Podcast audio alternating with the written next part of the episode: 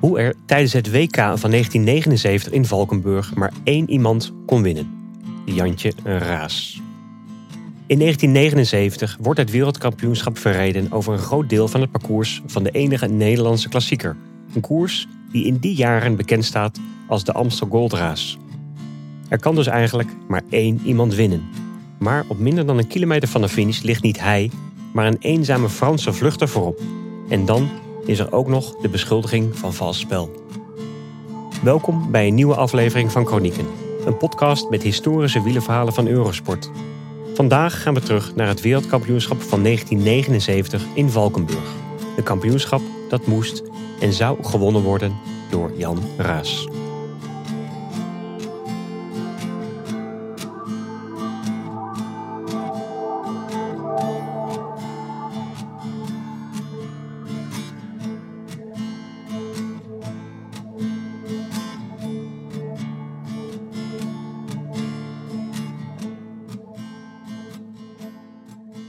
Finale leek Jan Raas in het ontstane pokerspel zijn hand te overspelen. Maar uit Duitse hoek kwam er op het laatste moment echter een helpende hand, waardoor de eenzame Franse vluchter André Chemel alsnog een vogel voor de kat was en topfavoriet Raas toch nog kon juichen in zijn Valkenburg.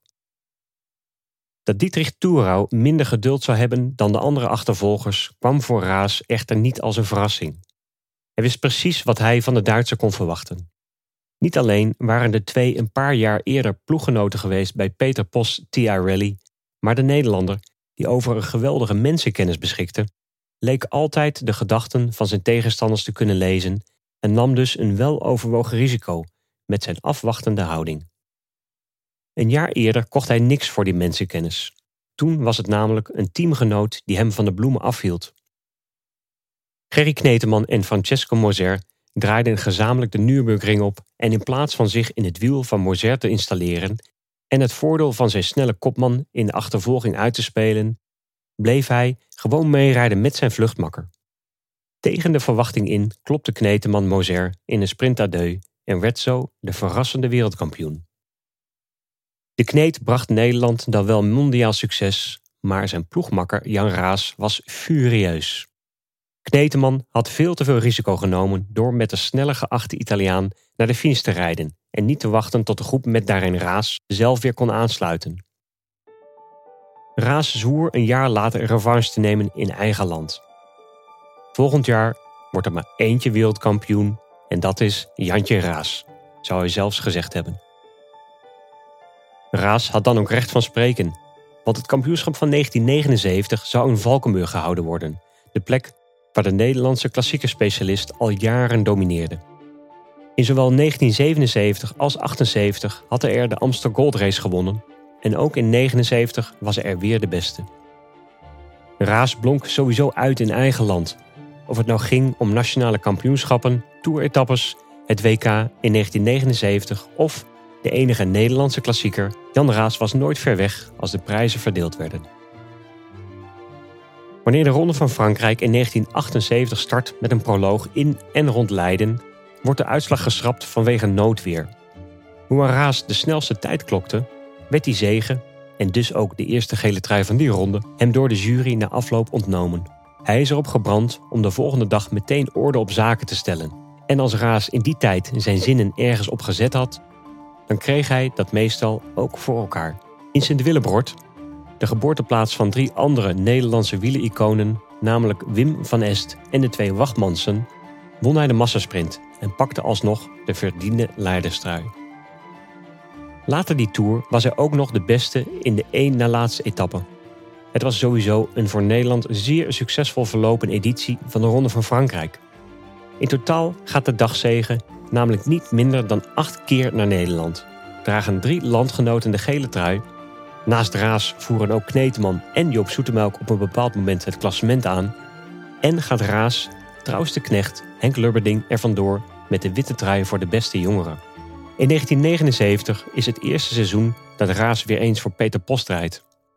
De legendarische ploegleider had hem een paar jaar eerder al eens ingelijfd, maar hem toen een meer dienende rol toebedeeld. Dat was niet naar de zin van de ambitieuze ziel. En die vertrok al snel weer naar Frisol om voor eigen kansen te kunnen gaan. Die beslissing legde hem geen windeieren, want hier was het dat hij de overwinningen aan één begon te rijgen.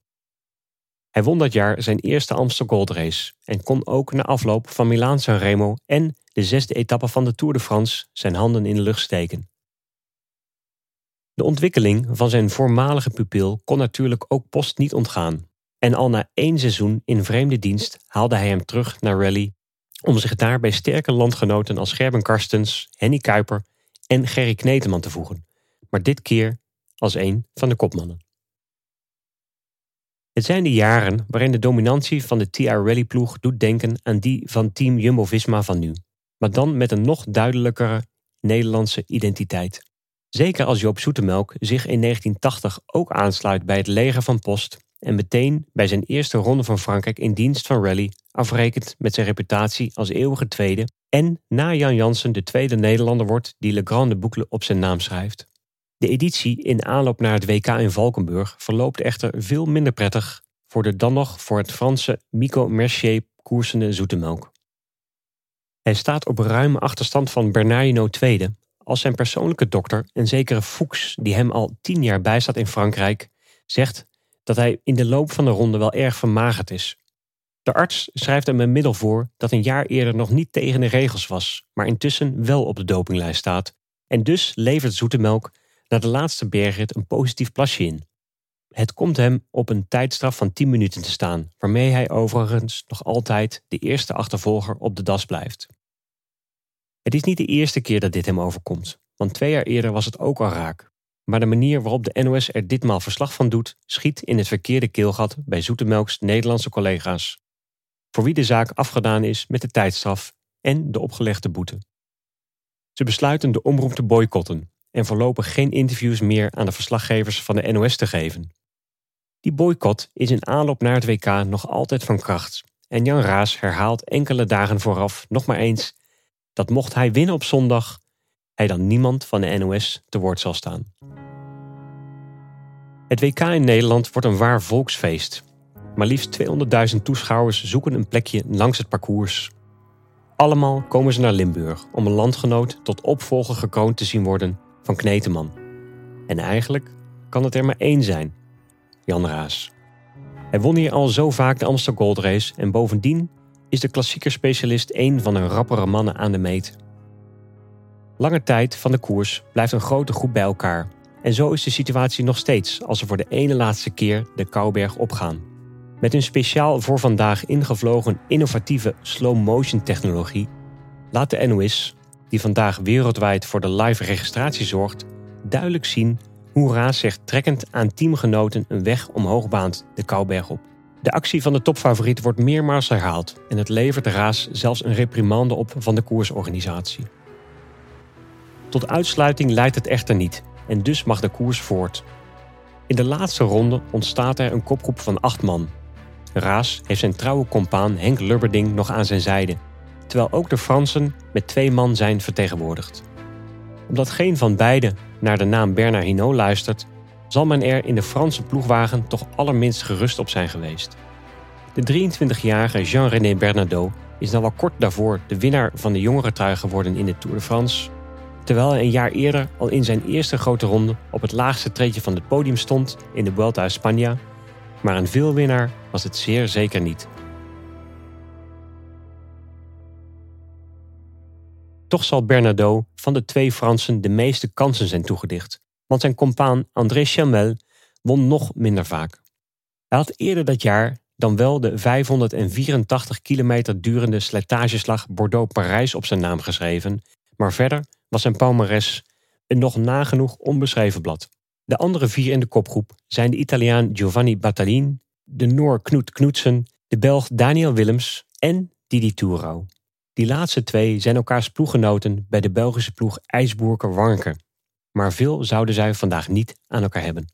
In een nerveuze finale, waarin Raas meermaals een fietswissel overweegde, omdat hij geen 13 op de zijn heeft gemonteerd, was het uitgerekend de onbekende Chalmel die er op kousenvoeten vandoor ging. Achter hem werd er naar elkaar gekeken. En nog een keer gekeken. Niemand voelde zich geroepen om de kastanjes voor de anderen uit het vuur te gaan halen. Lubberding was doodop en daarmee was de enige pion die nog kon worden uitgespeeld precies dat. Uitgespeeld. Ging Chalmel hier voor een duiverende verrassing zorgen? Raas weigerde alleszins een trap te veel te doen. De Nederlandse fans zullen gevreesd hebben dat een troef zichzelf zo buitenspel zette. Maar Raas profiteert juist van zijn enorme mensenkennis. Hij wist dat Toerau zich nooit zou kunnen beheersen. En zo geschiedde ook. De Duitser nestelde zich vooraan de groep, reed Bataillon, de andere Fransman Bernardo en Raas naar het wiel van de arme eenling en ging van kop af aan. De Duitser voelde de anderen linkszij komen en met een uiterste krachtsinspanning smeet hij zich van links naar rechts in een poging de deur voor de aanstormende Raas dicht te gooien. Maar die bewoog met hem mee en reed om hem heen. Bataillon, die zich in het wiel van de Nederlander had gezet, werd door de manoeuvre van de uitwijkende Raas omvergereden en zag zijn kansen in rook opgaan. En ook Willems achter hem was gezien. Raas vloog zijn oud-teamgenoot Toerau voorbij en met een gebalde vuist kwam hij dolgelukkig over de eindstreep. De spanning die zich sinds het vorige WK in hem had opgebouwd, kon er in één keer uitkomen. Hij kneep me bijna dood van de fiets af. Herinnert Lubberding zich jaren later nog hun gezamenlijke juichmoment na de finish. Nog dagen na de koers zal het trekken van Raas op de Kouberg het gesprek van de dag blijven. Raas houdt na afloop woord en hij weigert inderdaad de interviewverzoeken van de NOS. Hij is ervan overtuigd dat ze specifiek zijn acties in beeld hebben genomen als wraakactie voor de boycott. Ik vond het erg lullig van de NOS en daarom wil ik enkel alleen met jullie spreken, sprak hij zijn frustraties uit tegenover de Belgische camera. Hoewel het voor de renners nauwelijks een punt is, is men in het buitenland furieus. De Italianen vinden dat Raas op een onreglementaire wijze heeft gesprint, terwijl de Duitsers, Fransen en Belgen zich vooral blijven opwinnen over die dertiende van veertien beklimmingen op de Kouberg. Genegeerd wordt dat op precies diezelfde beelden van de NOS in de achtergrond duidelijk te zien is dat in ieder geval ook de Duitser Didi Tourau een handje geholpen werd. Een dag na het WK wordt Raas tijdens een criterium in België uitgejouwd als de omroeper hem aankondigt als de nieuwe wereldkampioen. En een paar weken later komt het in de Franse klassieker Blois-Chaville zelfs tot een handgemeen tussen de renner en enkele boze omstanders als de Nederlander het niet pikt dat hij door een enkeling wordt uitgemaakt voor verrader en onsportieveling. Een van de scheldende mannen gaat na een melpeer van de raas tegen de vlakte en zal zich in het vervolg bedenken voor hij de zeeuw de huid vol scheldt. Een renner met de erelijst van Raas kan natuurlijk niet gezien worden als een toevallige wereldkampioen, die alles te danken had aan geluk of vals spel. Hij had zich tot die dag al zo vaak de beste getoond, zeker op een soortgelijk parcours, dat je zelfs met de kwaadste wil ter wereld niet kon beweren dat hij gewonnen had dankzij het nodige trekwerk op de Kouberg. En wat betreft de sprint lijkt er al helemaal geen discussie mogelijk. Het was duidelijk die Duitser die van zijn lijn afweek, waarna de renners in diens wiel geen andere keuze hadden dan met hem mee te buigen. Als er iemand iets te verwijten viel, dan was het de zilveren Turau. Hoewel de Duitser die van de pers de bijnaam de blonde engel had gekregen, slechts 24 jaar oud was tijdens dit door Raas gewonnen WK, hij had dat jaar na twee podiumplaatsen eindelijk Luik Bastenaken Luik gewonnen. En al 15 dagen het geel gedragen had en in die ronde zelfs dicht bij de eindzege was geweest, zou zijn carrière na dit seizoen in een neerwaartse spiraal belanden. Hij boekte nog een mooie ereplaats in Parijs-Roubaix en hielp ploeggenoot Giuseppe Saroni aan de Giro-winst in 1983. Maar daar hield het wat successen betreft wel op voor Turau. Vaker kwam de gewezen engel negatief in het nieuws. Waar successen dus uitbleven, volgden de dopingperikelen elkaar snel op. En nadat hij zijn fiets aan de wilgen had gehangen, ging het van kwaad tot erger. Hij mishandelde een vrouw, een taxichauffeur en zelfs een hond, ging de gevangenis in voor het vervalsen van een bouwvergunning en drukte stiekem de uitkering van zijn invalide vader achterover. De renner, die tijdens de Tour van 1977 nog door het aanwezige journaille tot vriendelijkste lid van het peloton werd aangewezen, was duidelijk diep gezonken. Raas hield ook na het wereldkampioenschap in Valkenburg niet op met winnen. Naast een hele rits aan semi-klassiekers en nog twee Amstel Gold Races voegde hij in 1982 met een overwinning in Parijs-Roubaix de zoveelste hoofdprijs toe aan zijn indrukwekkende erelijst. Daarbij zou het echter blijven. Want aan een harde val in Milaan-San Remo hield hij een zware rugblessure over die ervoor zorgde dat hij nooit meer zijn oude niveau zou halen. En in 1985 hield hij het fietsen definitief voor gezien. De afgezwaaide renner kon meteen aan de slag als ploegleider en boekte aanvankelijk ook in deze rol mooie successen. Met renners als Adrie van der Poel, Jean-Paul van Poppel en Edwig van Hooijdonk beschikte hij over renners die zowel in de voorjaarsklassiekers als in de sprintetappes in de grote rondes meestreden om de winst. En halverwege de jaren 90 stond hij aan de wieg van de later zo succesvolle Rabobankploeg. Het zijn echter ook de jaren dat EPO zijn intrede doet in het peloton. Raas is een fel tegenstander van het gebruik ervan, waarschuwt in die tijd zelfs dat het de dood van de sport zal zijn, en onder meer zijn pupillen Frans Maassen en Van Hooijdonk volgden hem daarin.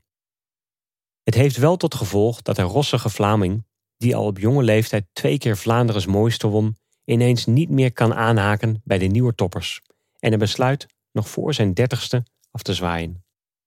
Raas zelf houdt het tien jaar langer vol in de wielrennerij, maar een breuk met de Rabobankploeg zorgt ervoor dat hij zich eind 2003 terugtrekt uit het wereldje.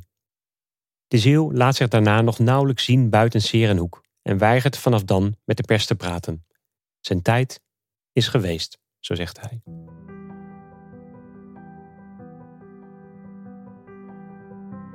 18 jaar na zijn vertrek doorbrak Raas in een boek van Maarten Koolsloot over het dopinggebruik in zijn oude ploeg alsnog het stilzwijgen. Daarin vertelt hij dat het juist de bedoeling was van het in september 1995 door hem met topbankier Herman Wijfels gepresenteerde Rabobank wielerplan om dopingvrij tot successen te komen.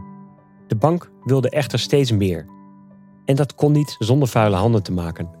Er werd gehengeld naar verdachte figuren als Alex Tsule en Lance Armstrong, maar Raas hield in dergelijke gevallen de boot af.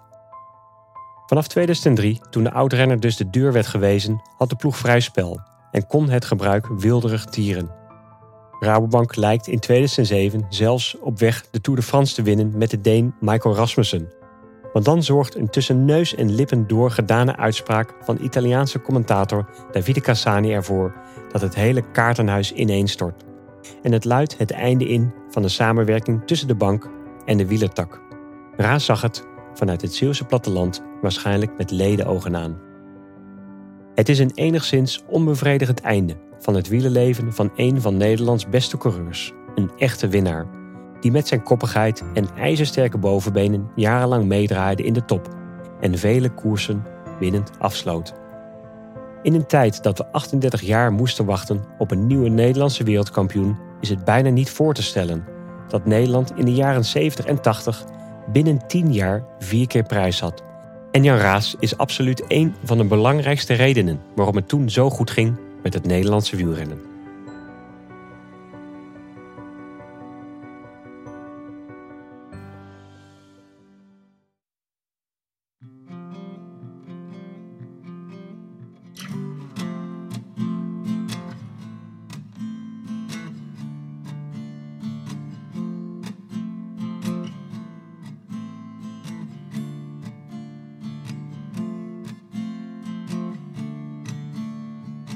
Chronieken is een podcast van Eurosport, geschreven door Sander Grasman en verteld door mij, Karsten Kroon. Productie is van Fabian Collau. Als je mij wilt volgen, kan dat via @karstenkroon op Twitter. Eurosport volg je via @eurosport_nl. Bovendien vind je ons op Instagram en Facebook. Alle afleveringen van Chronieken zijn ook te lezen als artikel op eurosport.nl. Dit was de vijftiende aflevering van het derde seizoen. Dus als je hebt genoten van deze etappe uit de wielergeschiedenis, meld je dan aan. Vertel het door en beoordeel ons bij jouw podcastaanbieder. Luister volgende week weer als we teruggaan naar de Vuelta van 1962, toen Rudy Altig zijn kopman Anke van de eindzege hield.